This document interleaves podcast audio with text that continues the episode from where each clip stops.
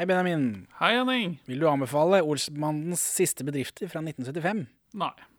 Vil du, Henning, anbefale Olsenbandens siste bedrifter fra 1975? Ja. Helmaks, Egon.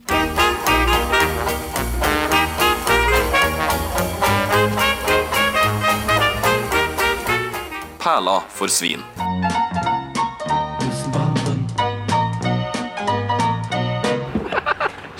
Velkommen til Perleforsvin, podkasten for deg som er glad for at homofili er lovlig i Norge.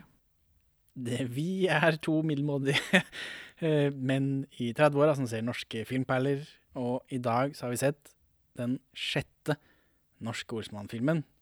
Olsmannens siste bedrifter.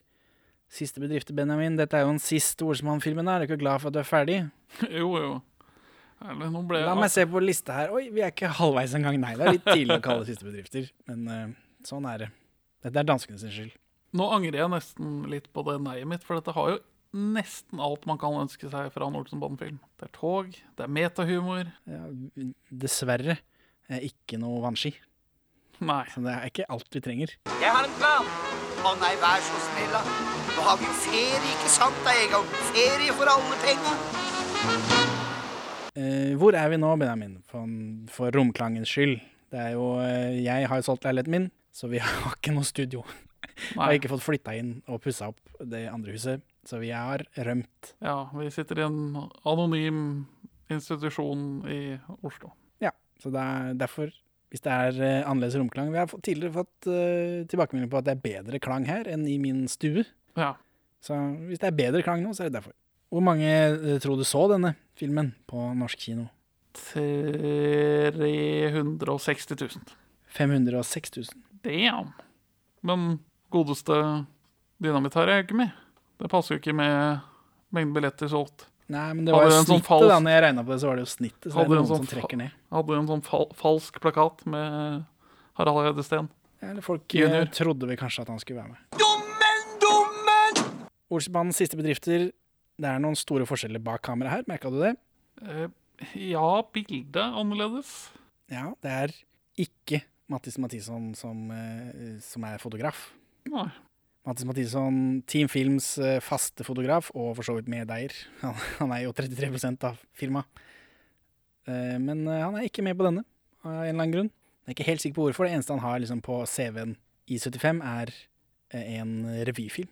Og det kan ikke være mer enn en aften å å filmatisere det. Sette et kamera på stativ. Wow. Ja, så det, jeg, vet, jeg er ikke helt sikker på hvorfor. Og så er det en annen regissør her. Så du det? Nei. Merka du det? Ja. Når jeg tenker meg om, så føltes det jo annerledes. Knut Andersen. Ja. eh, den andre Knut i Team Film, som også eier 33 eh, Han eh, spiller faren til Proffen i De blå ulvene. Altså Pelle og Proffen-filmen De blå ulvene. Så du Vi kommer vel til å se han på film også, ikke bare bak. Han har regissert annet Operasjon Løvsprett, Norges mest inntjenende film når den ble sluppet. Den er jo nå nummer to etter Flåklypa. Eh, og Norges andre fargefilm. Visste du det? Uh, Operasjon Løvsrett? Ja. Nei, visste jeg ikke. 'Smugler i smoking' er den første, og den er umulig å oppdrive. Mens dette er den andre, da. Og så har han også regissert 'Herfra til Haglemoen'. Den Øyvind Blunk-TV-serien eh, på fire episoder som var så dårlig at NRK tok den av lufta etter tre. Ja. Så den fjerde er aldri sendt. Og jeg har spurt NRK kan jeg få lov å se den, og de bare nei, det, vi har ikke noe sånt. Men nå ble jeg jo bare sendt til en fyr som satt i en resepsjon, sikkert. Nei, men på sikt så skal vi vel gjøre et eh, helhjertet forsøk på det. Altså, det må eh, Hvis lytterskaren vår kan heve oss opp i en slik posisjon, hvor vi kan marsjere inn på NRK og kreve å få se den fjerde episoden herfra til Haglemoen, Jeg tror ikke NRK på tidspunkt Herfra til Haglemoen, er det tidlig 80? Det tror jeg. Ja, jeg tror ikke NRK har bare lov til å pælme ting på tidspunktet, så den er nok arkivert et eller annet sted. Jeg vet ikke. Men han har fått regissert den også, så det er ikke bare gull. Eh, og så har han ikke sett den danske, Oi, gøy. så vi får se da om det har noe å si når vi kommer så langt. Ja, dette blir en sånn greie da, hvor de geografiske forskjellene på Oslo og København ikke vil tillate en shot for shot remake.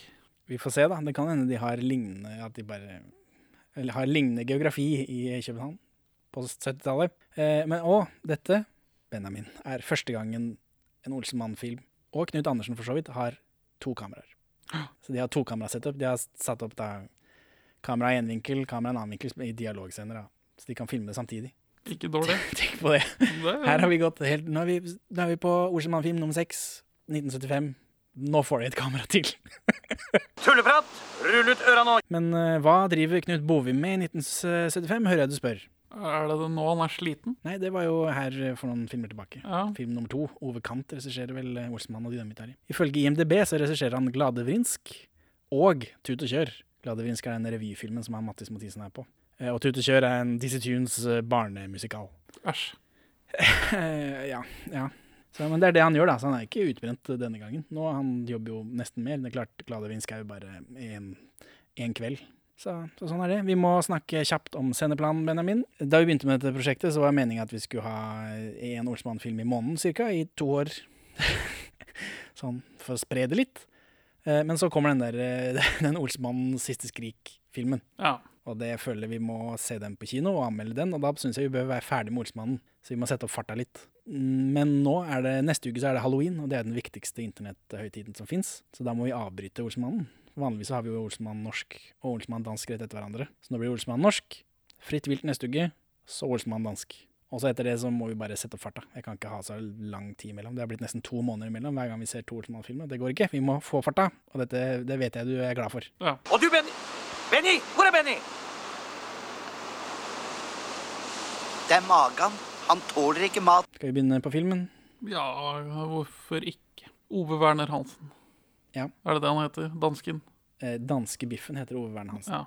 Jeg mente å huske at det var Ove Werner Hansen som senker Egon ned i vannet. Det er ikke sant. Det er ikke sant.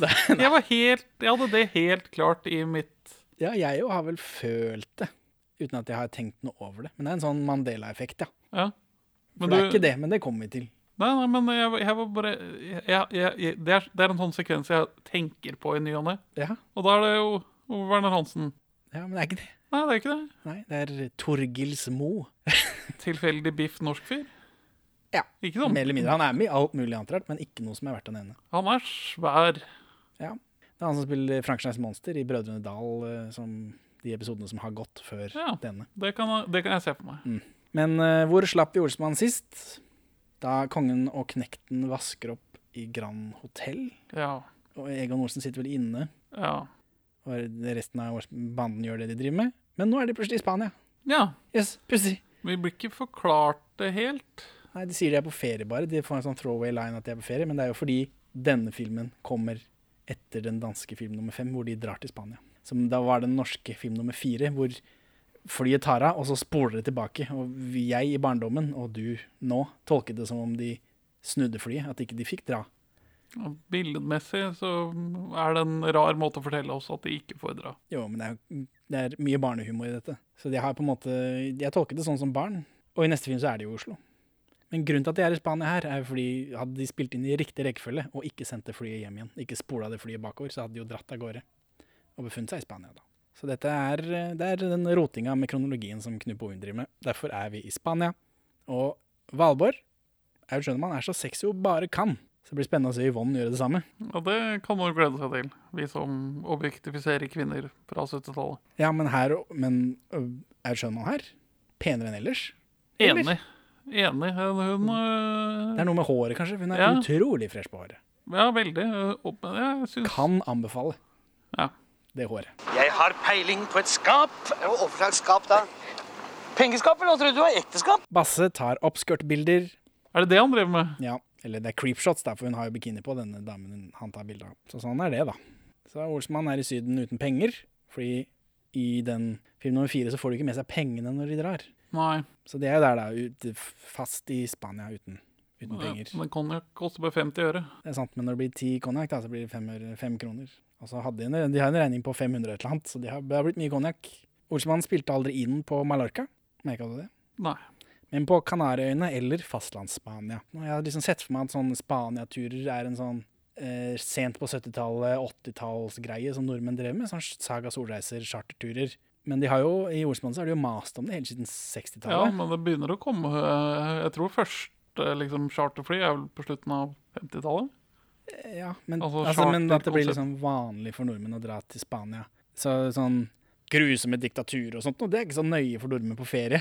Nei. For Franco dør i 75. Ja. Det er ufint. Litt det er også en av grunnene til at jeg tenkte at det er en sånn 80-tallsgreie. for Du drar ikke til Nei, vi Men det var ikke så nøye.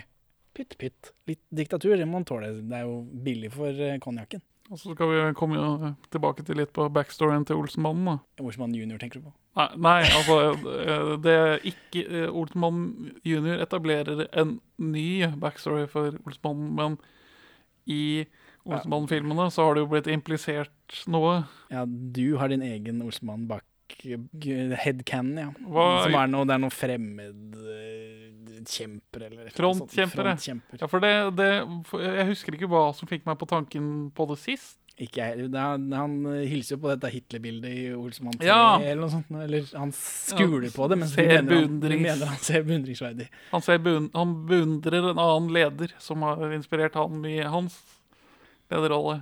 Åh, kryssklippe Hitler som kjefter i bunkeren, med Egon som kjefter i denne her, for å se hvor likt det er. Nå er grensen nådd. Jeg orker ikke mer. Det er det samme år etter år. Jeg kommer hjem med en plan. En genial plan. Gjennomtenkt og tima, tilrettelagt og justert. Alt glir som i smør helt det går galt. Og hvorfor? Jo, fordi rundt meg, rundt lyset så flagrer med småmøll, et par impotente hengerumper, ølfeite grautgubber Das war ein Befehl! Der Angriff Steiners war ein Befehl! Generalität ist nicht weiter Jeder hat mich belogen, sogar die SS. Die gesamte Generalität ist weiter ein Haufen niederträchtiger, treuloser Feigling! Men uansett, hva kaller Benny banden for i den filmen her? Alt-kameraten. Ja, ja, for den, den hørte jeg, og så tenkte jeg jeg orker ikke å slå det opp. Det er, det er en marssang, tysk marssang fra før første verdenskrig, men, men den var også veldig populær i andre verdenskrig, og etter krigen er den da bannlyst i Tyskland. Husk på det til den danske. Men For danskene er nærme Tyskland enn det vi er. det er de. Men, øh, men den, ble populær, den ble såpass mye spilt på radio, eller jeg vet faen jeg, hva den ble spilt på i Altså, siden de aldri refererer til hva som skjedde med de under krigen, så er det jo fordi de skammer seg over landssvikdommene sine. Ja, men det er ingen andre som snakker om hva de gjorde under krigen, eller? Jo, Hermansen, hva gjorde han under krigen? krigen? det, det, det. Han sier ikke noe. det er jo noe han ja, Jeg orker ikke. Nei. Men det er, Nei, alt er kameraten. De er frontkjemper av Norwegen, ist de Olsenmannen. Vi har, har Benny Fransen. Du får skrive det opp og, og samle det opp til vi er ferdig med hele serien, så skal jeg vurdere bevisene. Ja, det er greit. Vi, vi skal ha vår egen Landsvik-sak mot Olsenmannen. ja. Olsmann junior prøver å dekke over. Ja, ja. Det er en, en hvitvasking av fortiden deres. ja. Dere driver og baller dere som millionærer? Ja, men en konjakk koster jo bare 50 øre. Ja, men ti stykker koster fem kroner. Det står svart på hvitt på regninga at det koster 587 kroner og 50 øre å spille storkar. Eh, banden er på stranda da, og Kjell sier at de har ferie i en sånn kjapp replikk. Det blir spennende å se om den er med den danske. Det er jo på en måte ferien danske også, men liksom For det er det ene, nærmeste vi kommer en forklaring på hvorfor de plutselig er i Spania. Denne rølpegjengen fra Kampen. Så, men her, Benny har bart, og hvis ikke den barten sitter på trynet hans i resten av filmen nå, så vet jeg ikke. Da vet jeg ikke hvor det bartinntrykket mitt kommer fra. Men Benny ser også sliten ut. Ja, han Han har drukket eldre. mer siden sist. Ja. Han er, han er, han er sånn alkispløsete. Benny er dårlig i magen. Ja. Det er et plottpunkt her. Eller, Eller det er noe som skjer uten grunn. Nei, han ser maten. Ja. Han ser paellaen. Om De nevner flere ganger han er dårlig i magen. Ja, men det er på grunn av den paellaen, da. Ja. Men Kjell hvorfor, hvorfor Kjell må gå, det er litt utydelig forklart. Men det er jo fordi han har en stalker. Ja, for Kjell blir jaget av en dame som tror han er Karsten Byring. Og dette her, Benjamin, dette er 100% mitt første møte med metahumor. Jeg husker min far forklarte meg at, at hun tror han er Karsten Byring fordi det er skuespilleren som er Karsten Byring. Så hei, far, jeg vet du hører på. Men det, det kan jeg huske. Så dette er mitt første møte med metahumor. Og er det én ting jeg setter pris på i podkasten her, så er det metahumor. Hun der er ute etter meg. Karsten! Det er feil. Hun tror jeg er Karsten Byring. Er det noe rart, da? Du har jo gløtt innimellom hvor du ligner. Hva, jeg? Jeg stikker av gårde nå! Man tror om jeg fikk det forklart noen gang. Jeg forklarer det nå, da. Men så kan jeg også forklare at denne dama som jager Kjell, det er kona til Karsten Byring. Eh, gøy. Det er morsomt. Ja, Det fikk jeg ikke forklart av min far, da, men, eh, men nå forteller jeg det til deg. Ja. Så på mange måter er jeg din farsfigur. Ja, ja, altså Du har jo sånne nære foreldre som ser på ting sammen med deg. Mens jeg hadde sånne iskalde foreldre som bare satt meg der med Ja, dette er jo skillepunktet for hva som gjør at vi har en podkast med en viss dynamikk. Du har kjærlige, nære foreldre, men ingen VHS-spiller. Jeg har foreldre som bare setter se- Benjamin, her har du masse VHS, her har du en VHS-spiller, og her har du TV. Sitt der, du. ja, for du er sånn cable guy-type. Ja. Du kan få presentere deg for mine venner Johan og Roderick. Nei, men, du, med en gang jeg skal presentere dem for oss, så er det borte, vet du. du kanskje, kanskje, kanskje trodde at du var mannen min.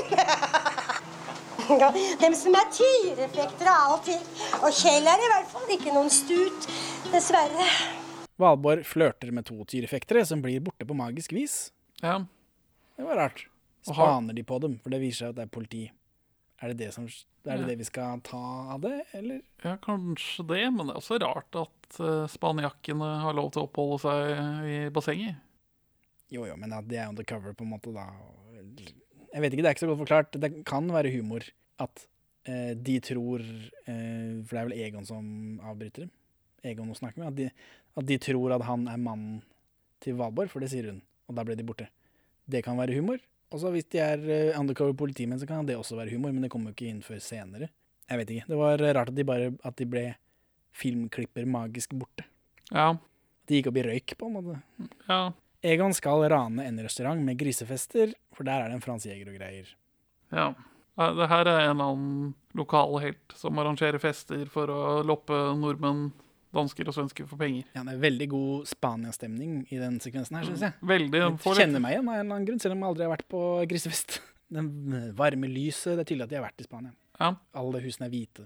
Men som en del av bakgrunnen for dette ranet, alt er tima til retterakt, eh, så får vi, blir vi gjort kjent med et sånt spansk swingers, eller et swingers-miljø.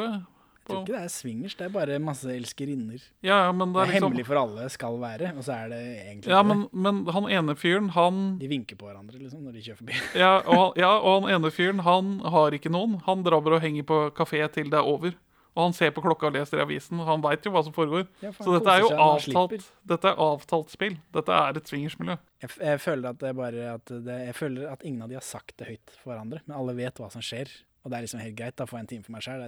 Så slipper jeg å, å feie over hodet kjerringa etterpå. Først en liten grisefest, og når humla snurrer sånn passelig, så knekker vi skrinet. Grisehansen, altså denne karakteren heter, som driver med disse grisefestene, han drar til sin elskerinne, klokka sånn og sånn, og, og gubben til den elskerinnen drar til en annen elskerinne, og så er det fire sånne, da. Eller han fjerde drar jo bare drikker. Og her får en sekvens hvor de kjører hver sin flotte lille bil.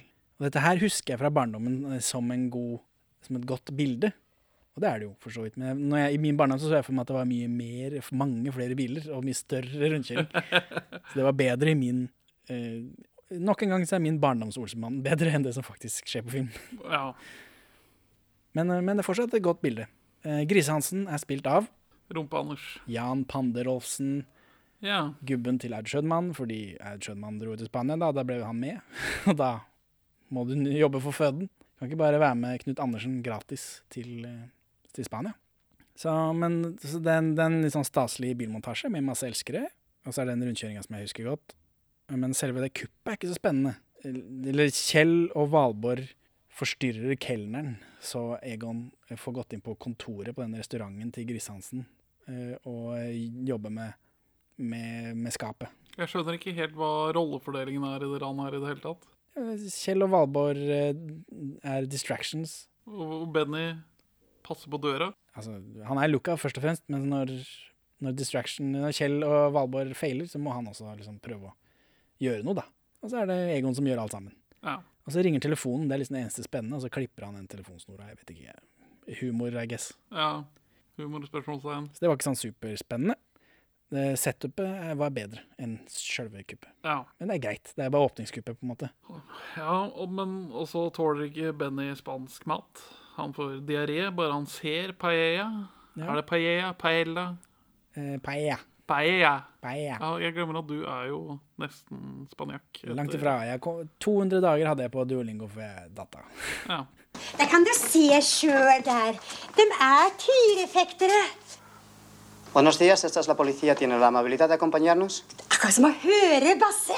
Hva er det betydde for noe igjen, Basse? Ja, det er fra politi. Egon eh, åpner opp, tar masse penger, og så kommer det noen politifolk. Valborg er veldig glad, for se, det er tyrefektere, sånn som jeg sa tidligere. Første gangen uh, Valborg virkelig driter i buksa. Altså, hvor dum skal Valborg kunne være? I denne filmen så er hun enda dummere enn ellers. Hun er helt skutt i huet. Jeg blir kjempesint. For Men hun ser bedre ut. Jo penere hun blir, jo dummere blir hun. ja, ja, det kan være en korrelasjon der. Men i hvert fall, hva var det jeg sa på forrige norske Olsenbanden-film? Film, Podkasten for deg som har en humiliation fetish. Det kan stemme, det husker jeg ikke. Ja, og altså Jeg liker banden. Jeg er glad i banden. Ja, vi er jo det, og så blir vi skuffa gang på gang på gang. Ja, jeg ønsker banden godt. Ja, Men øh, ja, hvorfor vil filmene meg så vondt? Altså, for nå er du irritert over at uh, Valborg er så dum. Ja. Ja, dette er, jeg antar, Danmarks skyld. Ja, Fordi hun kommer inn da med disse to eh, gutta med tyrefekterhatter.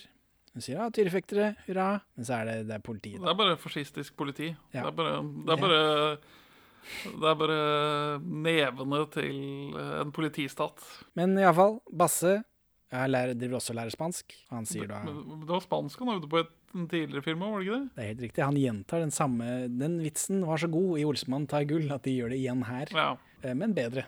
ja Sist gang så var det jo ikke noe politi. Nei, nå funker det jo. Og de gjør det to ganger også. Eller én gang som setup, én gang som eh, utløser. Så mm, tyrefekteren er politi, egentlig, og da boom! Botsenshot, main theme, Hvordan er det med utlevering fra Spania til Norge. Er det sånn? Jeg vet ikke. Blir man sendt til Norge om man gjør forbrytelser i Spania Ah, mot sånn en nordmann? Men hvis man drar til Cuba, som jeg har gjort, og du har gjort Det stemmer. Vi er veldig verdensvante her i podkasten. Altså, når vi, jeg var på Cuba, så var det en hotellansatt som stjal typ 2000 kroner i verdier fra noen i mitt reisefølge. Før det hadde gått en uke, så var han dømt til 20 år i fengsel. Yes. Og verdiene returnert. Fordi turisme er typ den eneste måten Cuba får frisk valuta. Ja. Men i hvert fall, hva skjer om du som turist gjør noe ulovlig på Cuba? Jeg blir sendt hjem, da. Det er korrekt. Det kan hende er det. Ja, Det er det som har skjedd. at, at uh, Spania vil jo ha turister. De vil ikke Nord-Korea, ikke så nøye på det. Nei.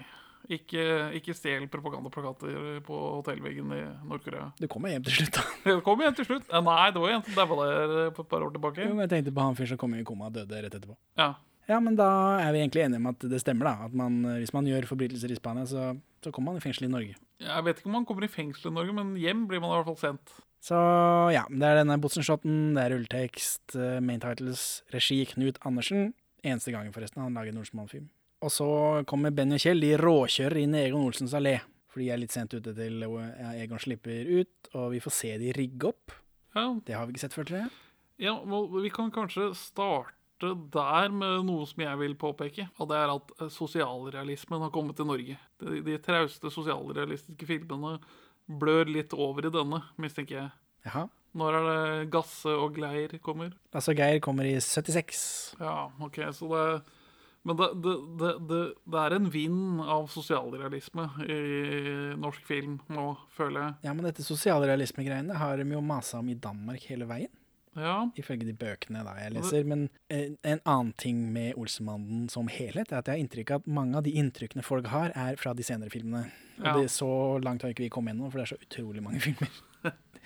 Men eh, nå føler jeg at vi er på sporet ja. av eh, den Olsenmannen folk har inntrykk av. Det gjenstår å se da, på de resterende åtte filmene. Men ja, eh, i de danske bøkene også det, er det veldig mye Det er viktig for de som lager Olsenmannen, at de er småfolk med småfolkproblemer, konfirmasjoner og liksom øl. Men ja, fortsett med ditt Men- resonnement. men ja, jordnærheten har økt. Altså, vi har jo hatt noen hint til det tidligere, da, hvor de liksom snakker om eiendomspriser og pengekrise og ditten og datten, liksom. Men sånn som så, sånn som det at her ser vi de liksom komme seint og rigge opp, det er liksom det er litt, litt mer ekte. Vi har skrudd litt av filmfilteret, og så er alt gråere. Man har tatt liksom litt farge ut av fortidens Oslo. Det er liksom skitnere. Det er litt mer ekte. Skjønner du hva jeg mener? Er du med på hva jeg reagerer på? Ja, altså, dette her er gutta fra gata. Det er mange Det er mye mer Kampen-bilder her. Ja. Bilder av byområdet hvor man bor, som er hyggelig å se. Men det er mye mer av det. Det er slitt. Ja, man, man kjenner det arbeiderpreget i større grad. For vi har liksom, Ellers har vi bare den bakgården og den kneipa de henger på De to første filmene. de to første filmene. Og så er det liksom ellers ute i byen, men nå er vi, er vi liksom Mer hjemme. Vi er nærmere på, tettere på Kjell og Valborgs leilighet. Og så blir de bokstavelig driti på av finanseliten. Da. jo, jo. Men det, det er sånn det er å være mann i gata. Ja, jeg, klarer, jeg klarer ikke helt å dra frem alle momentene, da, men jeg vil peke på de etter hvert som de dukker opp. Ja, ja. Egon kommer ut med en pakke, som vanlig. Og så tenker jeg, for det en ting jeg har lyst til å spore, er Er det sånn at når Egon kommer ut av fengsel, så kommer Hermansen etter? For det har det vært noen ganger. Eh, Men her bryter de med formatet, så da får jeg ikke sjekka det, da. For andre gang så går Egon ut til venstre. Denne gangen er det ikke en uberdeilig Kari Simonsen som venter på han. Det er en helt annen fyr. Denne fyren er Holm Hansen, finansmegler. Rockefeller.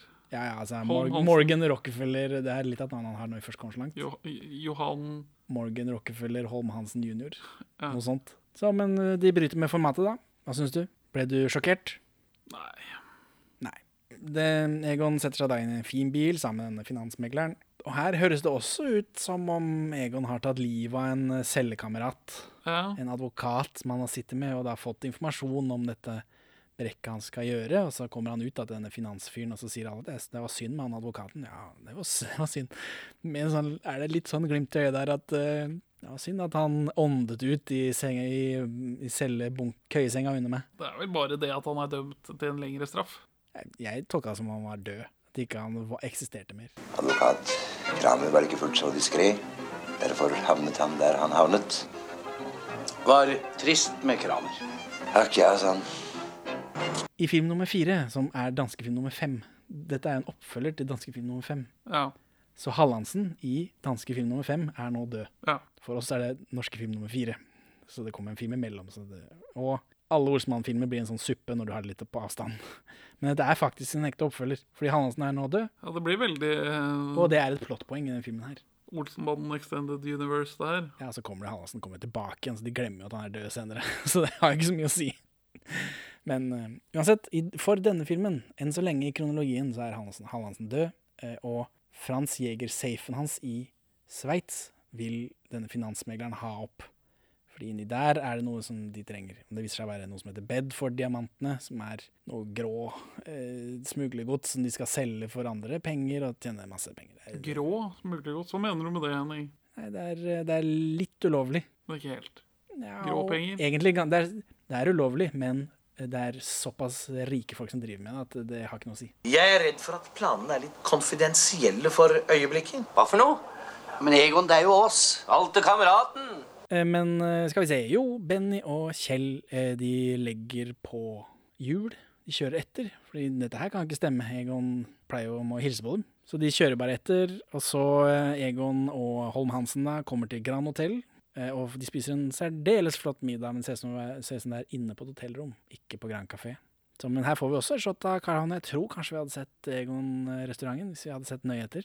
Ja. Hvis den hadde eksistert på tidspunktet. Det koster penger å holde av hele restauranten for eh, å filme.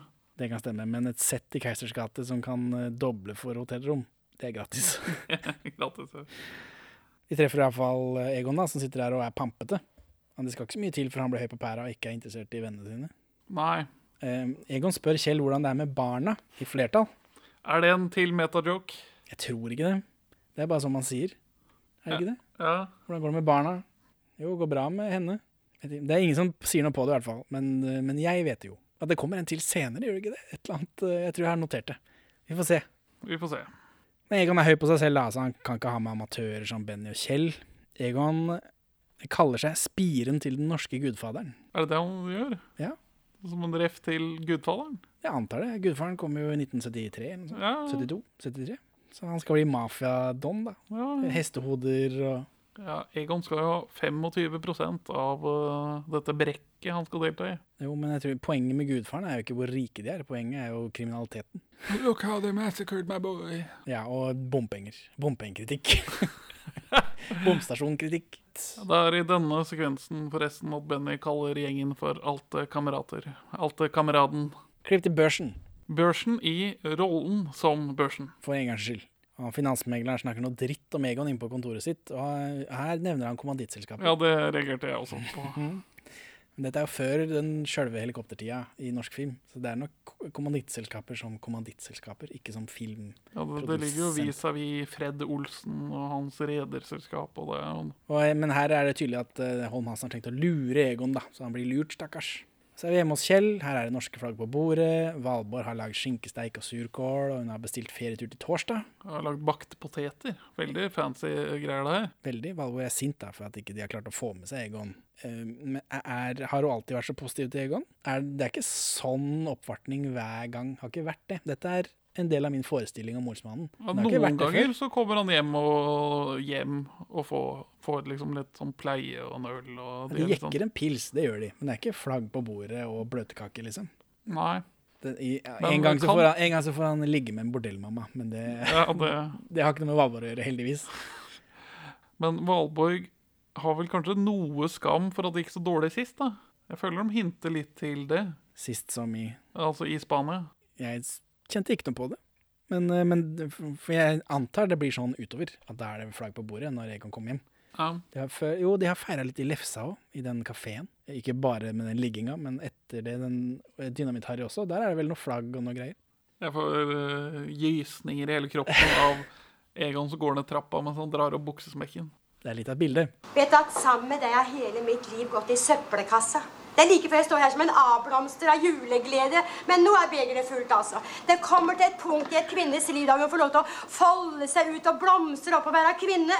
Og det tidspunktet kom til meg allerede i fjor, det. Og hvis ikke jeg får lov til å oppleve det, så kommer jeg til å bli frustrert. Men her kommer også den da sosialrealismen inn, da, fordi Valborg er fly forbanna på Kjell for at hele livet hennes har gått i søpla sammen med Kjell, og at det kommer et tidspunkt i livet hvor man skal få lov til å være kvinne. Og det tidspunktet kom i fjor. ja, det er en veldig det er en morsom det- sånn monolog hun har. Men er jo, vi er jo godt inne i den andre bølgen med feminisme her. Og jeg føler at det er noe av dette inni her, for det vitses Eller det snakkes om at Altså kommer seinere opp da at Valborg skal være, ha en rolle i ranet nå, og at kvinner hører hjemme på Kvinner skal jo inn på arbeidsplassene nå. Ja, det kommer opp senere. Ja, Så filmen, filmen er liksom mer i tiden, på en måte. Jeg vet, men hele tiden så har jeg i hvert fall de danske Jeg skylder på de danske, jeg, fordi det er deres skyld alle sammen. Det er jo ikke så mye de har gjort om i norske. Eh, Så har jo danskene drevet gjøn med bevegelser i tiden, sånn som dette eh, Bodil. Eh, Kari Simonsen-karakteren som skal liksom Som skal være snill Ja. med, med fanger. At det er liksom det rareste som fins, og så tuller de med det. Så det er jo veldig i tiden. De er i tiden, men ofte føler jeg litt på feil side av Ja. sakene. Men det, er, men, men det er humor hele veien, så det er, liksom, det, har ikke, det er ingen som reagerer noe på det. Annet enn når vi ser det nå i rekkefølge som idioter. Tror jeg. Ja. Er mitt innlegg i den debatten. Ja, men når, når, vi, når vi får den sosialrealisme-trenden i norsk film samtidig Egon, hva er det for noe? Bollehatt og sigar og svære ord. Det er jo du og jeg som har gjort knøljobben. Benny pepper opp Kjell, da. Fordi liksom, de kan klare seg sjøl, de trenger ikke den klysa Egon. For nå var han klysete og fæl. Og Egon drar til Zürich. Han har en ledsager. Kommer til et fancy slott og greier. Altfor lang sekvens med kjedelig jazz over, og de kjører dit. ja. ja. Egon tar på seg hansker og talkum. De er, det, er liksom, det er veldig fancy det der slottet. Det er fancy den døra de må inn. Magisk bokhylle. Ja, det er mye bråk. Dette er garantert danske rekvisitter. Dette er shot on location i Danmark, jeg er rimelig sikker på. Når jeg sitter og klipper disse podcastene, så, så hører jeg at jeg sier til alt som er litt fancy, at dette her er gjort i Danmark, og så er det ikke det. Så jeg tør ikke å si det mer. Nei, Men jeg er enig. Jeg, jeg sier det på Ja, her. det er bra, det er godt du gjør det. Og så driver han, Egon driver og lytter på den der eh, safen da, og så er det mye bråk, som er litt sånn Er det humor, dette? De gjør det to ganger, det er ikke rule of three. Ja, ja, eh, fyren bråker mens han holder på med papirer. Humor? Spørsmålstegn. Vi er i Sveits, så gjøkuret bråker. Humor, spørsmålstegn. Ja. Og, og det er det, som får han opp skapet da. Og så er det en fryktelig fancy koffert inni der som har diamanter oppi. Og ledsageren får jo da denne fancy kofferten, og så setter han på alarmen, så Egon må rømme. Og så drar denne kofferten eh, tilbake i, i, til Norge med en fyr, da. Og denne fyren han lander på en annen flyplass, og så blir den kofferten utveksla på sånn spionvis. Og til slutt så ender den opp i Oslo Børs hos Holm Hansen. da. Og her er det veldig drivende musikk, syns jeg. Det, musikken Ja, i Olsmannen er alltid på plass. Dette er ny dramamusikk.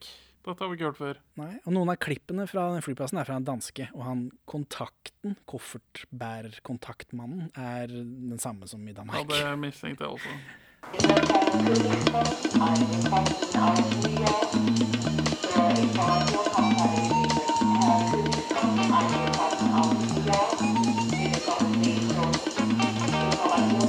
Men Kjell og Benny står foran Norges Bank, som nå er museet for samtidskunst, Ja. og minnes Egon.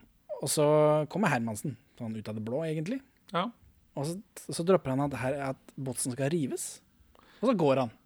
ja. Men Botsen blir ikke rivd. Og det er men ikke var, plottpunkt.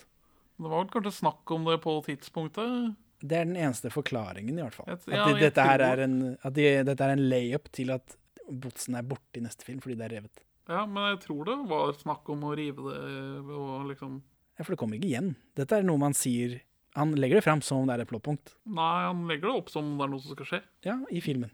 Nei, i virkeligheten. Så at man ikke lenger kan bruke botsen i filmen. Hvis det er gamle murer dere er interessert i, burde dere heller ta en siste titt på Botsfengselet før det rives. Hva? Bo Botsen? Rive Botsen? Ja, men hva skal Vi møtes nok, mine herrer. Så Kjell og Benny, på natta så går de nede ved noen spor. Er dette Oslo S? Nei, dette er Østbanehallen. Altså Oslo S, gamle, gamle dagers Oslo S. Ja, for jeg syns jeg kjente igjen disse skapene bak der, for de har vi sett i Sus og Dus på byen. Ja. Men dette er da eh, Dette er vel kanskje året før, eller samme år som bombeattentatene mot Østbanehallen? Spørsmålstegn. Oslo hadde jo sin egen bombemann på 70-tallet. Ja, jeg tror det blir nevnt i Sus og Dus. Altså ikke i filmen, men at du nevner det i podkasten om Ja, ja, ja, det er korrekt. det er korrekt. Så, men de skal rane en sånn fotoboks, da. Hvor det koster tre kroner for et bilde. Nå er det vel 150 kroner for dette, de Ja, det, det er korrekt. Eh, Men så blir de tatt av en vakt, så da må de late som de er homofile. Ja. Det er det, derav introduksjonen i dag. For det er jo rimelig nylig at homofili ble gjort lovlig i Norge. For det er 73, tror jeg. Det tror jeg. Og så er det vel fortsatt en sykdom til 77. Ja. Men de er jo veldig ute av skapet, da, disse homofile mennene. Ja, og han, eh, han vaktmannen gjør, sier ikke noe på det. Han blir ikke liksom, han kaster ikke opp, eller han reagerer ikke. Nei. Så det er hyggelig, da. Og så er det noe ja, Han tror at de er guttunger som drev hærverk. Og ja, de tar bilde til svigermor, så det er liksom ikke måte på hvor akseptert homofili har blitt i det norske samfunnet Nei, nei, på to men år. sånn er det. Jeg, jeg forsket litt på det, og det- kommer en bok i, på slutten av 50-tallet hvor en av disse fra forbundet av 1948 skriver om at å være homofil man er, ikke, man er ikke annerledes enn andre folk. Man bare liker tilfeldigvis folk av samme kjønn. Det er liksom ikke, Vi er ikke monstre, liksom. Det er bare at jeg tilfeldigvis er mann og liker menn. Og, men da blir det diskutert i avisen med en ganske romslig tone.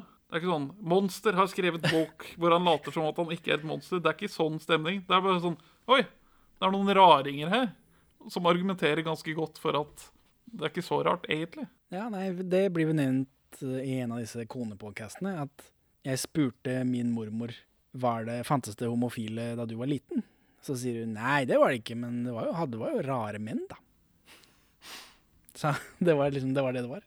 Ja, Og så får vi en morsom selfiesekvens med disse bildene som flapper forbi av Av Benny og, og Kjell, da, som har et, blitt fotografert mens de har eh, hacka den eh, fotoboksen. Og her var jeg redd for at de skulle få sånne bilder hvor det ser ut som de suger hverandre. Det, det slapp vi heldigvis. Det var bare hyggelig. Ja, nå kommer bildene ut der om tre minutter. Akkurat. ja. Skal bli hyggelig å sende et bilde av svigermor. Ikke sant, elskling? Egon ankommer Oslo S med tog fra Zürich, og de sier via København. Ja, det er Morsomt. Så da tipper jeg toget går direkte fra Zürich til København i den danske. Ja, veld, veldig hendig at det er direkte forbindelse til, fra Zürich til Oslo via tog. Jo, men det er gøy. I den danske så går det helt sikkert direkte fra Zürich til København, og så må norske Egon ta et tog fra derfra igjen.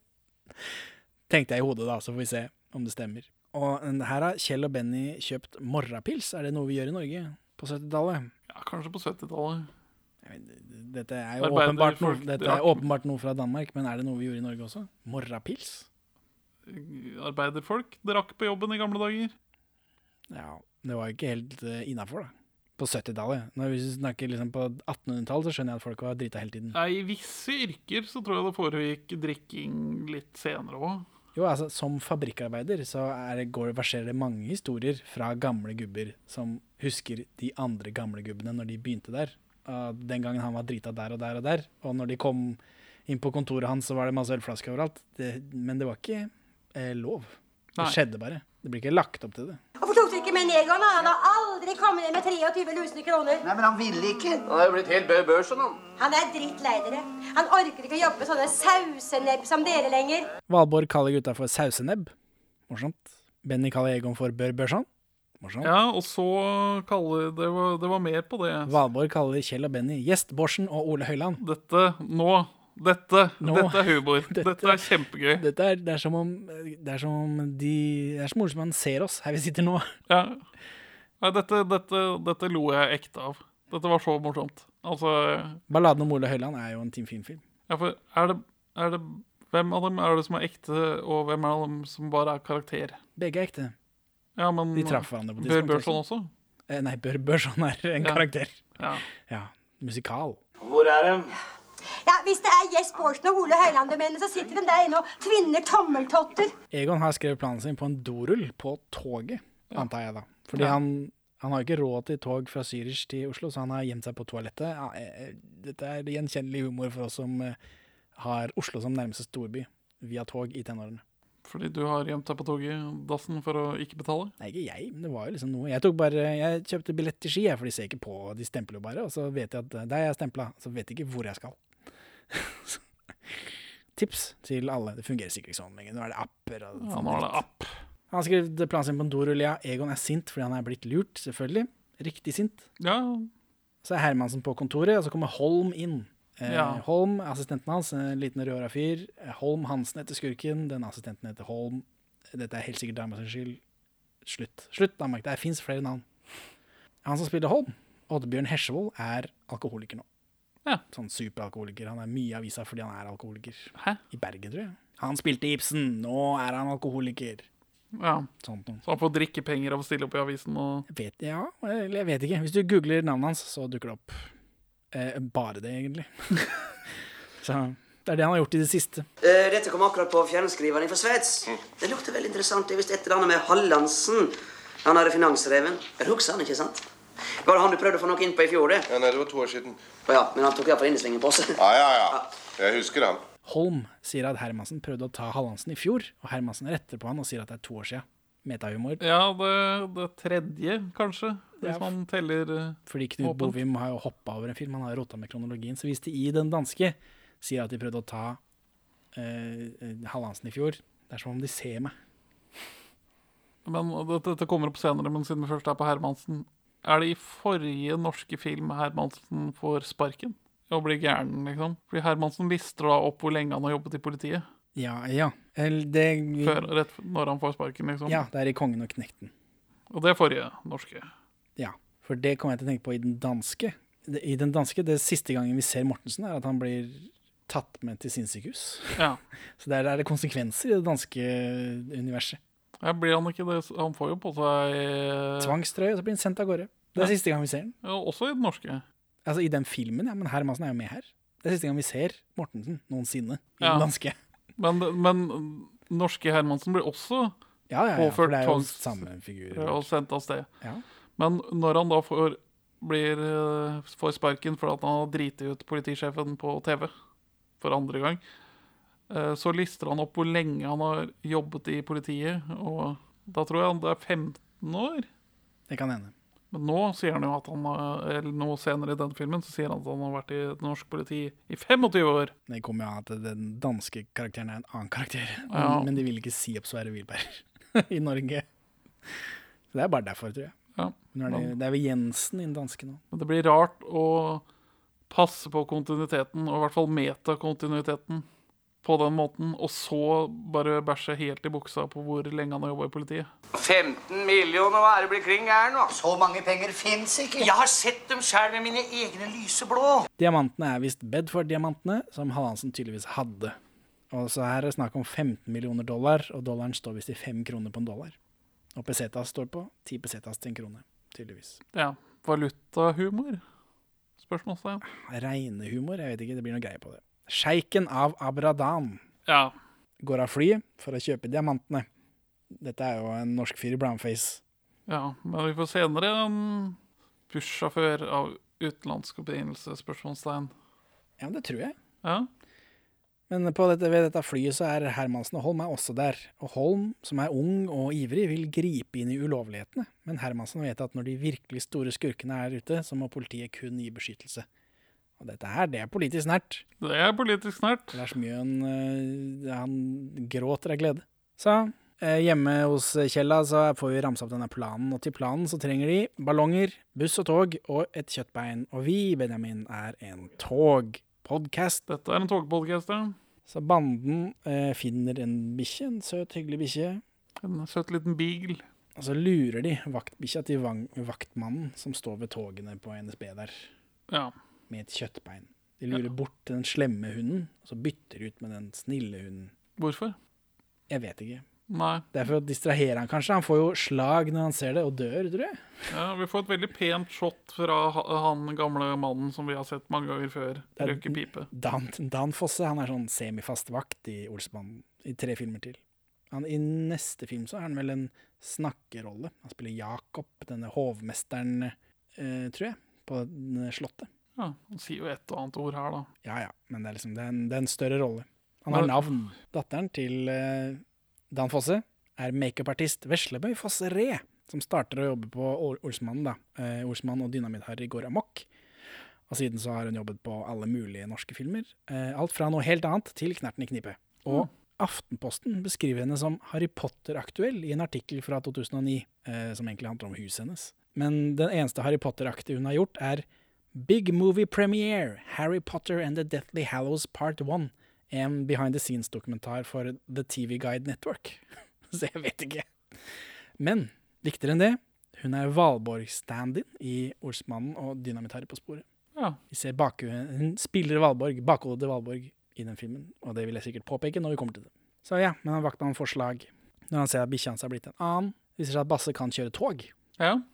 Basse blir bare lurere og lurere, glupere og glupere i disse filmene. Men Basse som tognerd, det er ikke så vanskelig for å se for meg det, egentlig. Men det virker som han leser seg opp på det, at det er det som er greia, at han er smart. Ja, altså Han er god til å tilegne seg kunnskap via bøkene. Han har vært på biblioteket og fått manualen til akkurat det, denne typen lokomotiv. Ja, for han har alltid vært en luring. En DI2. Lillebroren til uh, norske tognerders store favoritt, uh, diesellokomotivet DI3. Jaha. En venn av meg har foreldre som begge er tognerder, og de har bokstavelig talt bilde av DI3 på veggen. Når kompisen min hadde bursdag sist, så ble han gratulert med et bilde av seg selv som barn med et DI3. Ja, ja. Og her, nå kommer det en sekvens hvor de skal stjele noe eh, uniformer, tror jeg. Ja, men uh, først, litt, litt med tog. Ja, ja, Litt okay. med tog. Her, Her kommer den veldig uh, Denne sekvensen hvor Det går bra, jeg bare lener meg tilbake her og slapper av litt, tar meg en pils. Nei, men i den sekvensen Jeg går ikke mens jeg er på do. Mens de går inn på dette lokomotivet, så er Kjell veldig stressa for at eh, Basse får et så stort ansvar. Men så tar Basse og liksom avkrefter Nei, nei, dette har jeg kål på. Spør Kjell hva er den knappen her, da? Skal jeg trykke på den? Og så sier han nei, da får du en togfløyte på 110 desibel. Morsomt. Men så får man et overraskende naturlig øyeblikk mellom Egon og Benny på én side og Basse på den andre. Så dette går bra. Og så gir han tommel opp, og så gir Egon og Benny tommel opp tilbake mens de gjør en sånn ja, eh, rar smilegrimase. Men eh, det syns det, jeg, ble, jeg ble litt sjarmert.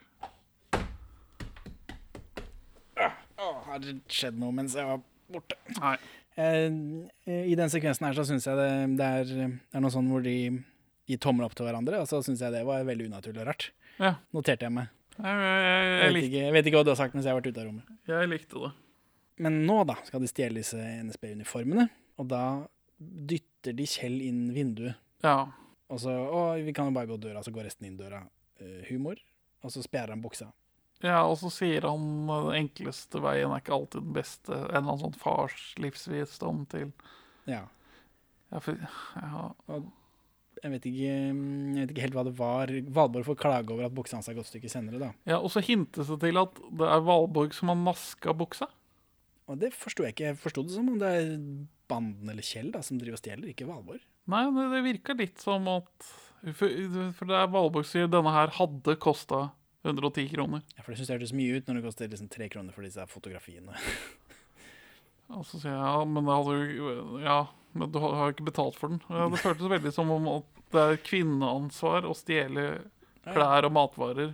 Nei, jeg følte Mens ikke gutta det. gjør brekk. Kvinnene masker, gutta gjør brekk. Eh, men her så eh, Nå driver du og leker med disse uniformene. Koser seg og ler av. Vi, dette, nå skal vi ta dem. Og her får vi Sverre Holm i uniform. ISB i Ja. Er dette en prequel til Sesam Stasjon? Det er det jo fort. Neste stopp er. Og så spiser mannen frokost. Svær. Dette er kanskje noe av det danskeste som har fått være med over i, norsk eh, film. En svær frokost hvor de driver og planlegger kuppet, da. Og så er det en stor brunost som er Oslo rådhus. Passende. Og så er uh, skei- er uh, sild i olje, som mener poengterer at også passer godt. Og her får vi, nå får vi se Oslo rådhus, da. Og før så gikk vi toget rett forbi der hvor trikken går nå, sånn cirka. Ja, fordi Østbanen og Vestbanen var ikke direkte tilknyttet med tunnel, slik som den er i dag. Det ble bygget i løpet av 70-tallet. Det gikk an å overføre tog fra øst til vest, men da var det med dette kukete sporet i veien. Så det er grunnen til at det ikke går direkte tog disse avstandene. Forbrytelser skal ikke lønne seg. Kjære unge venn, du tar feil. Hør på meg, jeg har vært i politiet i 25 år. Plikt og troskap gir samvittigheten lønn, men den er beskjeden. Kjærligheten er deilig, men dyr. Vennskap og kameratskap er godt å minnes når man blir gammel. Men det eneste som lønner seg, det er forbrytelser. Og så, eh, etter å ha liksom spana etter, så kommer banden hjem til at Valborg har solgt alle tingene deres fordi de skal dra til Syden? spørsmålstegn. Skal, Valborg skal leie ut. Ja, det på leiebordet neste uke er dette noe Dette kan være et pek til boligmangelen i Oslo på tidspunktet. Kanskje, men hvorfor har hun solgt alle tingene? Det var uh, pussig. Absolutt alt. Kanskje leieboerne sier at de har egne møbler med det? Hvis hun har tenkt å komme tilbake, det har hun tydeligvis ikke. Nei, det Så- sier de jo bokstavelig talt etterpå. Eller det får de avklart som følge av dette. Og Hermansen og Holm de driver og passer på sjeiken og de ulovlige pengene hans. Og så eh, stjeler banden en buss når bussjåføren går på do, på en utedo. Det var mye utedo i Oslo på tidspunktet. Ja, Dette kommer opp oftere i en podkast om norsk film enn jeg hadde sett for meg. Er utedosituasjonen i Oslo. Det finnes fortsatt utedoer i. Oslo. På forskjellige tidspunkt på, i Marka. Ja, men nei, jeg tror det er noen i sentrumsstrøk også. Palais, for eksempel. Slottet har flere utedoer, er det det du sier? Nei, nei, men altså I 2008 så hadde fortsatt kommunen elleve utedoer i Oslo by som de måtte tømme som en del av tjenestetilbudet sitt. Men, eh, men i dette momentet når de skal stjele den bussen, så blander Her kommer musikken. Og så blander de The Entertainer med Olsmann-tema på piano.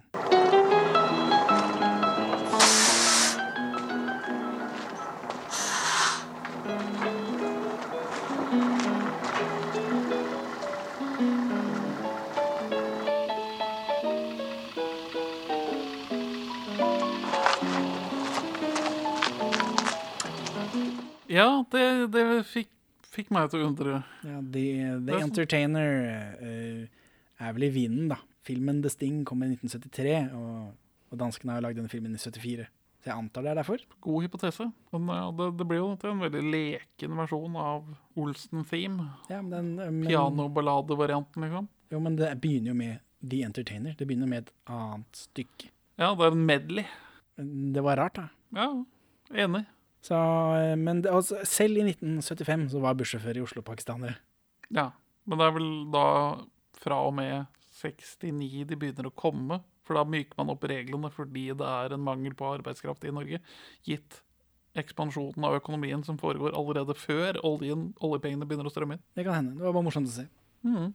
At eh, alt er forskjellig, men alt er likt. Ja, også At ordsmannen ikke bare banker den opp. og sånt da. De er til og med hyggelige menn. De stjeler bussen hans, men de setter ut matpakka hans først. For de skjønner at uh, det er ikke noen grunn til at han skal sulte, stakkars. Nei, de gutta på gulvet. De passer på hverandre. Ja, ja det, er liksom, det er en viktig del av ordsmannfølelsen folk har, og det kommer tydeligvis sterkere inn her nå. Selv om de stadig gjør en småbrekk mot uh, sånne slusker allikevel.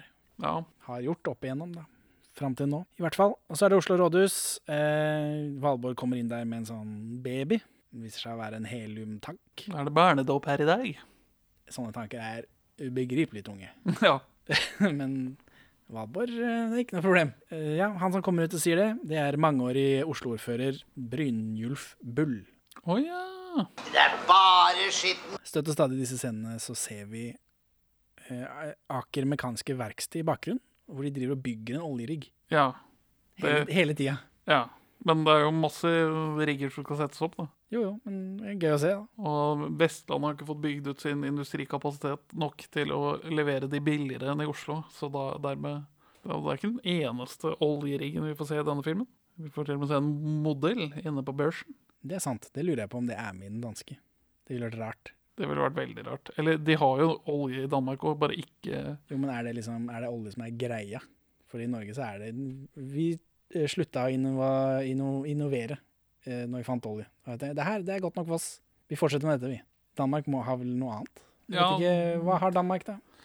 Svin, korn Uh, de, de driver med det samme som oss, da, men med en bedre pengepolitikk, antar jeg. Siden valutaen deres har vært mer. Jeg vet ikke om det er positivt eller ikke. Eh, nå, nå er dette kuppet i gang, da. Basse kjører tog. Han har en juksebart. Morsomt. Ja. Og sjeiken kjører av gårde etter å ha kjøpt diamantene da, på en sånn konferanse. Eh, og Valborg har lagd masse ballonger oppå toppen av rådhuset der, og så klipper hun snora. Etter å ha observert Jeg vet ikke om du kan, faktisk kan se baksiden av børsen med kikkert fra toppen av rådhuset. Jeg vet ikke om geografien faktisk løser seg sånn. Det er bare én måte å finne av det på. Det, er, eh, det blir utflukt. Perle forsvinner, utflukt. Vet du hvor mye det koster å ta en utflukt til toppen av rådhuset? Koster det penger? Ja, ja, For å få en omvisning av klokketårnet så koster det sånn 5000 kroner. Jeg tror ikke man bare får gå opp dit. Men er det ikke, er det ikke Folkets hus? Nei, det er, det er LO. LO det som er Folkets hus. Vi får, vi får dra opp til toppen av LOs hus og se om vi kan se børsen derfra. det kan vi gjøre, for der har vi lov til å være. Når Valborg klipper denne snora på de ballongene, så er det et flott eh, bilde, selvfølgelig. Eh, Og så blir det sånn seierstemning i Manden, som om de har vunnet allerede. Ja, men ja, For nå er alt så tima og tilrettelagt at, At planen er det bare å kjøre inn. Eller er de bare glad for at uh, Valborg faktisk er brukende til noe, eller hva var dette? Det var liksom bare wow, hurra! Eller er de Ballonger er gøy! Er det det? Er de, er de så, har de sånne barnlige sinn? De blir liksom bare tatt av ballongene. Egon har jo et barnlig sinn inni. Det får vi Veldig barnlig sinn senere. Kjell stopper toget i Altså midt i gata. Mellom Østbanehallen og Vestbanehallen, ja, på Aker Brygge der. Eh, Og han gjør det sånn så Benny må stoppe bussen, som de har stjålet, rett ved siden av bilen med diamantene. Og da stjeler Egon de diamantene og noe sjampis. Ja. Og dette rådhusklimakset er spilt inn på Palmesøndag for å forstyrre trafikken minst mulig, siden, Ah. siden Norges mest trafikkerte vei gikk rett foran rådhuset den gangen. Men det var ikke noe sånn kjempesuksess, da. Eh, altså, for, Å forstyrre minst mulig var ikke noe sånn kjempesuksess. Folk ble ganske forstyrra. Ja, gøy. Og med eh, 40 politifolk og 15 biler og motorsykler, så er dette den mest omfattende politibruken i Norske Olsmannen. Ja. De fikk betalt politi over tid, direkte av Team Film, og Oslo politikammer fikk betalt for bruk av materiell. Ja, for tidligere har, de, har bare politifolk stjålet materiellet fra jobben og stilt opp. Det virker sånn at de bare liksom kom i uniformen sin. Og så er det i, i Olsenmann-universet så er det en regel at hvis du fører en vogn Hvis noen går inn i vognen bakfra, eller unnifra, Ja, så merker du ikke det. Nei. Nei. hvis, hvis noen legger seg bak setet ditt, sånn at han dytter litt imot setet, så merker du ikke det. Nei, nei det er sant. Så, så de får med seg diamantene nå, da, og sjamp sjampis. Men, men han bruker tilstrekkelig eh, lang tid til at jeg blir litt nervøs. Kom igjen en gang. Du, Ja, du får det til. Eh, og, men vel hjemme så feirer banden med å drikke seg fulle på sjampis i den tomme leiligheten til Kjell. da. Og Valborg har en eske med suvenirer som Kjell sier de skal kaste. Og her eh, Kjell er en skikkelig gladfyllik. Han er liksom woo. Han Det er vel alltid gøy når Kjell spiller full. Eller han er veldig tjukk, da. Kanskje han bare er full. eh, Egon er fortsatt ikke fornøyd. Han må stille sitt ego, så han går der for å plage Holm Hansen. Ja, og hva er planen her, egentlig? Å omsette disse Bedford-diamantene er ikke noe slusker som Olsmannen kan gjøre så lett. Nei, det, det er sant. Tror jeg. Ja. Altså, Valborg prøvde jo å selge de til gullsmed. ja, og han ville ikke ha det. Forståelig, for så vidt.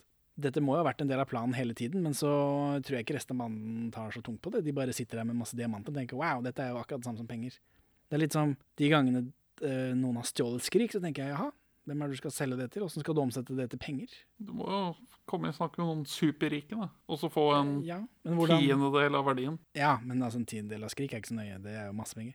Men hvordan skal David Toska Skal han bare ringe Jeff Bezos da og si 'jeg har noe her'? Åssen skal de gjøre dette? Har jeg tenkt. Så det er det problemet de har, da. Og, men det blir ikke fortalt i filmen så godt, syns jeg. For det virker bare som en dårlig plan. Ah, Nå skal jeg gå med det jeg har stjålet, til en fyr som sikkert har goons til å knerte meg. Ja, for de feirer, banden feirer så fælt når de har det, de diamantene. De feirer så hardt, som om de har vunnet allerede. Men kan ikke, du kan ikke kjøpe billetter til Spania med diamanter. Du må ha penger. Eh, Så det, derfor ble det litt sånn rart at å, men nå skal han bare inn og stille sitt ego og ødelegge for dem.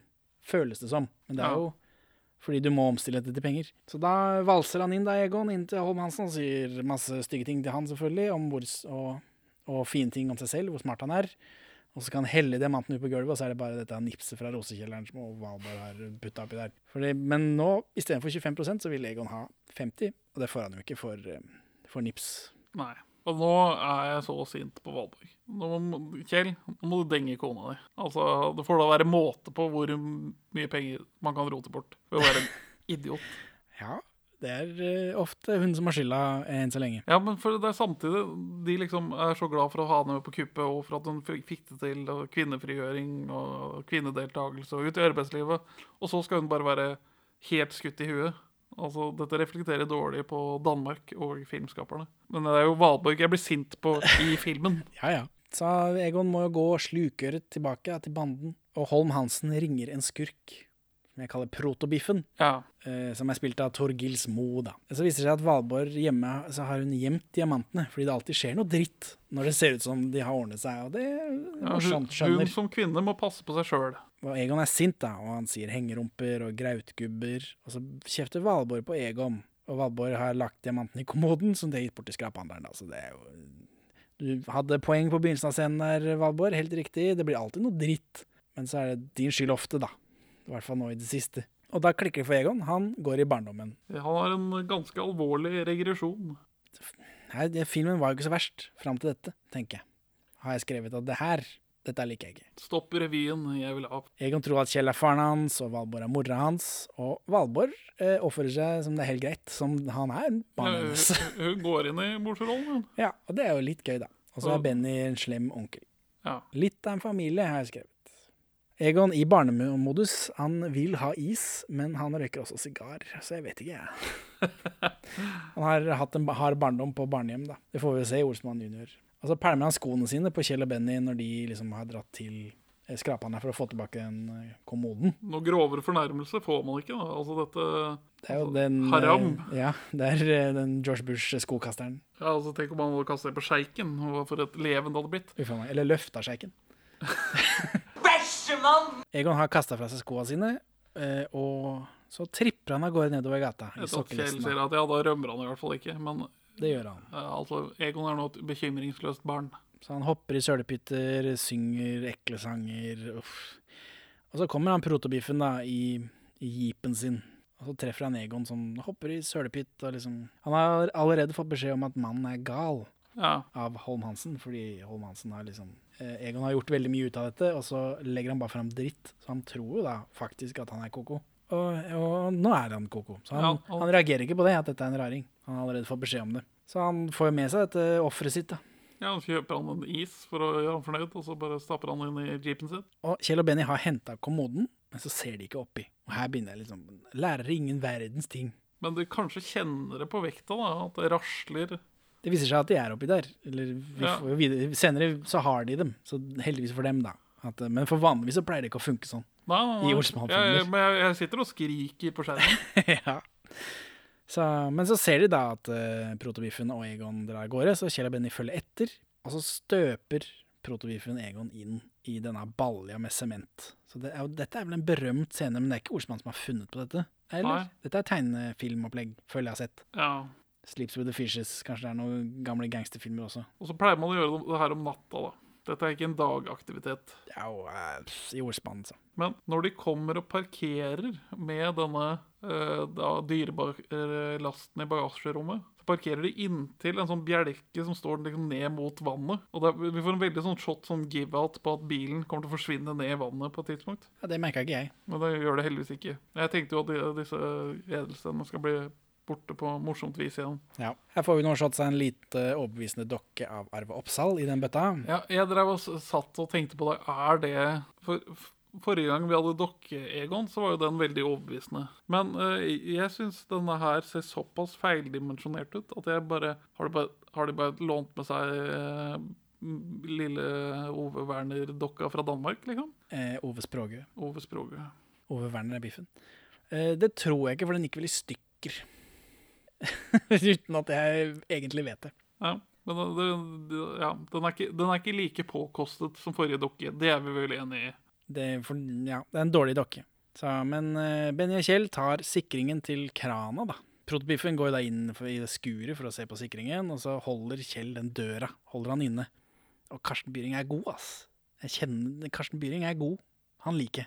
Ja, han er, han er en knallkar. Han, han hever seg over både materialet og mange av de andre her. Arve Oppsal. Benny driver og roter med krana, da. Da får vi dynka Egon en gang. Ja, dokka, da. Dokka går ned, ja, men Egon kommer jo opp. Så det ble med ett eh, dykk med Arve Oppsal i Oslofjorden i april. Vi måtte, vi måtte vel, Jeg tror de sier vel kanskje at de må knuse isen først, men jeg vet ikke om det stemmer. Det tviler jeg på. Men... Det var stuntmann på stedet, men det er jo Arve Oppsal i filmen. Et par impotente hengerumper! Eh, Skurr dette fra hverandre før protobiffen får den bøtta med Egon i hodet, da. Så det er liksom han ferdig. Altså har vi noe forvikling hvor da Kjell og Protobiffen slåss om den døra fortsatt, da, selv om Skur Selv om ikke Skur har falt fra hverandre. Ja, ja det, det er humor, da, men Karsten Byring er god. Egon ber om tilgivelse og sier at han ofte er en dust. Og dette er hyggelig. Dette er hyggelig scene. Det er hyggelig at liksom Ja, det, vi har revet det ned, nå bygger vi det opp igjen. Ja. Men så er det noe humor da på at det er bare det gutta har sagt om Egon som blir snudd. Ja. Fordi de eller liksom er så ja. Eller fordi gutta er sånn ja, ja, Nei, nei, Egon, du har ikke gjort noe galt. Jeg, jeg er jo en sånn idiot. Jeg bare prater prater. Bare, jeg er jo jævla sosialist og hengerumpe og alt dette. Og så lar han seg over, Egon lar seg overtale til at han er jo egentlig veldig flink, da. Men dette her er også en sånn Olsmann-greie jeg føler er en del av Olsmann-suppa, men som ikke har dukka opp før. Jo, vi har Sånn ordentlig. I Olsmann tar gull, så skjer jo dette. Stemmer. Eh, og nå klipper vi til at politiet har trimtime. Ja. Og her er det mer sånn politisk nært. Holm mener at man må kunne bruke sin sunne fornuft som politi noen ganger, og Hermansen sier at det ikke må bruke sin sunne fornuft under noen omstendigheter. De må følge reglementet. Så de, prøver, de sier noe, da. Og Kjell og Benny infiltrerer denne trimtimen for å stjele politiuniformer. Det er liksom det målet. Ja, og en politibil. Ja. Og så kjører Kjell og Benny Egon i politibilen ned til børsen, så det ser ut som han er arrestert. Egon, da, altså. Ja, Håndjern på greier. Ja, Så konfronterer de Holm Hansen som om de var politi. Og så er det noe humor. Ordspillhumor. Ordtrøbbelhumor. Ja, Delikventen, dilettanten, dirigenten. Veldig, veldig revy. Og så når de skal gjøre dette avhøret, så tar eh, Benny jeg skal gjøre avhør av Holm Hansen, så de tar ham med ut i, et, eh, ut i forværelset. Kjell har ikke nøkler til håndjernene, så når Holm Hansen er ute av rommet, så skal jo Egon åpne opp dette skapet, som også er en Frans Jæger, da, heldigvis. Eh, Så Egon kjefter på Kjell og sier masse dritt om Valborg, og da klikker det for Kjell. Og dette er en Olsmann-suppegreie jeg føler ikke kommer før nå. Nei, det kan være enig. Sånn ordentlig igjen. Fordi Egon sier noe dritt om Valborg, og da, da blir Kjell liksom kar og strammer opp Egon. Og da blir Egon liksom hva, hva skjer nå? Dette er første gangen Kjell snur karakterer på den måten der, tror jeg. Ja, og han er veldig overbevisende i sin strenghet. Ja, Jeg altså- liker strenge Kjell. Karsten Byring er god, du skulle ønske han var faren din. Ja. Eh, Men Holm Hansen ser Bennys gule sokker til slutt og skjønner at dette er lureri, så han prøver å ringe sjefen til Benny, som Benny sier litt sånn motvillig er Hermansen. Men Egon får opp skapet, og banden tar pengekoffertene. Og så ringer Holm Hansen til Hermansen, eh, men der er det bare Holm, og Holm tar deg en anmeldelse, for det er liksom det han har mangla Ja. med alt dette lureriet. Du må ha en anmeldelse, hvis ikke så kan du ikke bare ta folk som driver med ulovligheter. Og da er det masse politi da, som omringer børsen. Eh, alle kjører Volvo, selvfølgelig. Hermansen er tilfeldigvis hos tannlegen i nabobygget og får med seg dette. Så Hermansen kommer løpende. Um, ikke så mye tannlegehumor som jeg hadde regna med. Nei. Ingenting, egentlig, bare at han har den der eh, smekka. Kvinnelig tannlege. Sosialrealisme. Ja, så uh, Hermansen kommer løpende inn, ja. Holm har en helt utrolig dialekt. Han kommer fra alle steder i Norge. Herr kriminalbetjent, vi har mottatt en anmeldelse.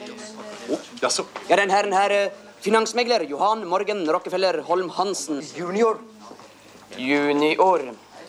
Har anmeldt at uh, tre for han ukjente ransmenn dags dato har tømt pengeskapet hans, der han hadde verdier for 15 millioner dollar, eller 75 millioner norske kroner. Ja. alle steder i dypt inn i Dalom. ja, det er vel nordre, nordre Vestland et sted.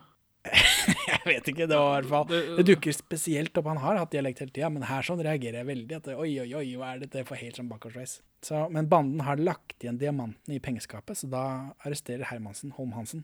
Så dette er jo Dette- Dette er et vellykket kupp. Ja. Banden har spjåket seg opp, det er siste scene, og så drar de til Syden med Bråten safe. The end. Så, Benjamin, hvorfor vil du ikke anbefale Olsmannens siste bedrifter? Nei, det er jo det er jo blitt en slags sånn hverdagstortur, da, dette å se Olsmannen. Så selv om formelen sitter tettere nå, så er jeg ikke underholdt, liksom. Jeg sitter og ser på dette som en del av et prosjekt for å bryte ned min syke. I have a podcast and I must scream. Det er vel sci-fi-boken jeg skal skrive etterpå.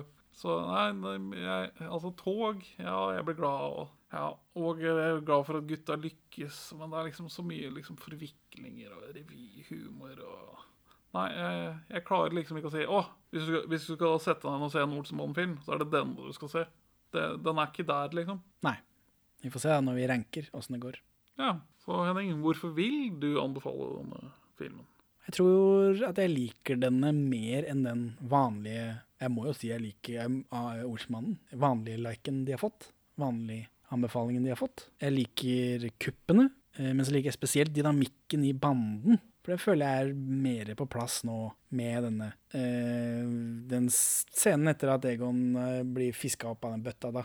Og sinna Kjell og liksom og det greiene der.